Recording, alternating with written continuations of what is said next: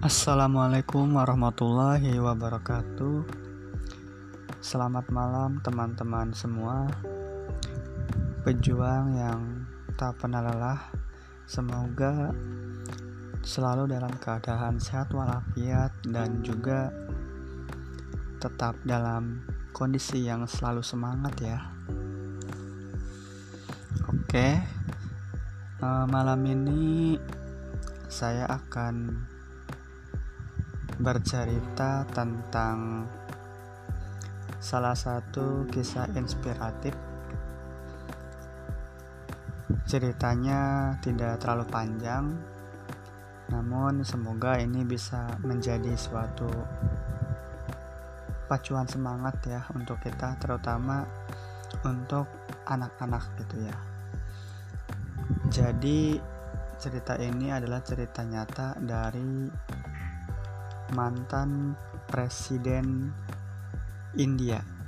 Beliau bernama Dr. Abdul Kalam. Cerita ini judulnya yaitu Cerita Sepotong Roti Gosong. Oke. Mantan Presiden India Dr. Abdul Kalam pernah berkata, "Waktu aku masih kecil, ibuku memasak makanan untuk kami. Suatu malam, dia membuat makan malam setelah seharian bekerja keras.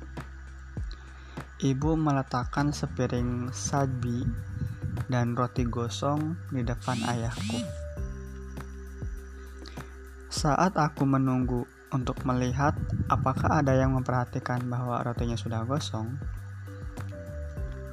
Tetapi ayah memakan rotinya seperti biasa dan menanyakan padaku bagaimana hari-hariku di sekolah. Aku tidak ingat apa yang kukatakan pada malam itu, tetapi aku ingat mendengar ibu meminta maaf kepada ayah atas roti gosongnya dan aku tidak akan pernah melupakan apa yang ayah katakan. Sayang, aku suka roti gosong. Pada malam harinya, ketika hendak tidur, Dr. Abdul Kalam pergi untuk mencium sang ayah. Dia bertanya, Apakah ayahnya sungguh benar-benar menyukai roti buatan ibunya yang gosong?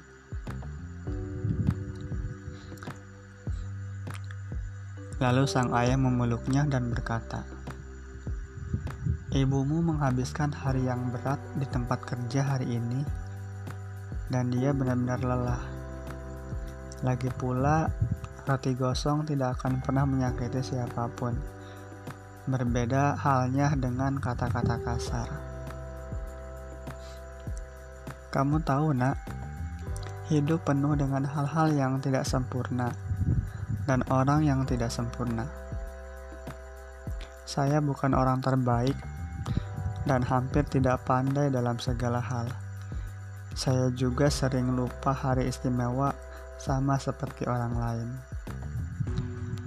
Namun, apa yang saya pelajari selama bertahun-tahun adalah menerima kesalahan satu sama lain dan memilih bersyukur dengan hubungan yang kita miliki. Oke, jadi dari cerita singkat tersebut, kita dapat memetik beberapa poin ya. Yang pertama adalah kita harus selalu menjaga lisan kita untuk tidak berkata kasar kepada siapa pun. Terlebih melihat kondisi orang tersebut apakah orang tersebut dalam keadaan yang sangat lelah ataupun dalam keadaan-keadaan lain yang kita tidak tahu apa yang sedang dia pikirkan dan apa yang sedang terjadi pada dia. Oleh karena itu, berusahalah sebaik mungkin agar kita itu menjaga lisan kita, karena banyak juga kejadian-kejadian khususnya di Indonesia ini yang berawal dari lisan ataupun yang berawal dari omongan-omongan yang sifatnya melukai hati. Jadi, ditekankan lagi, pelajaran yang dipetik dari cerita singkat tersebut adalah bagaimana kita bisa menghargai kerja keras seseorang dan juga menjaga tutur kata kita agar tidak menyakiti hati orang-orang. Oke, teman-teman, mungkin ceritanya segitu dulu ya. Kita bisa lanjut lagi besok.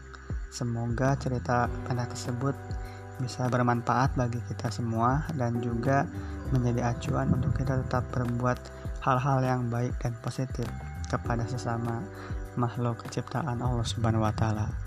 Terima kasih teman-teman. Wassalamualaikum warahmatullahi wabarakatuh.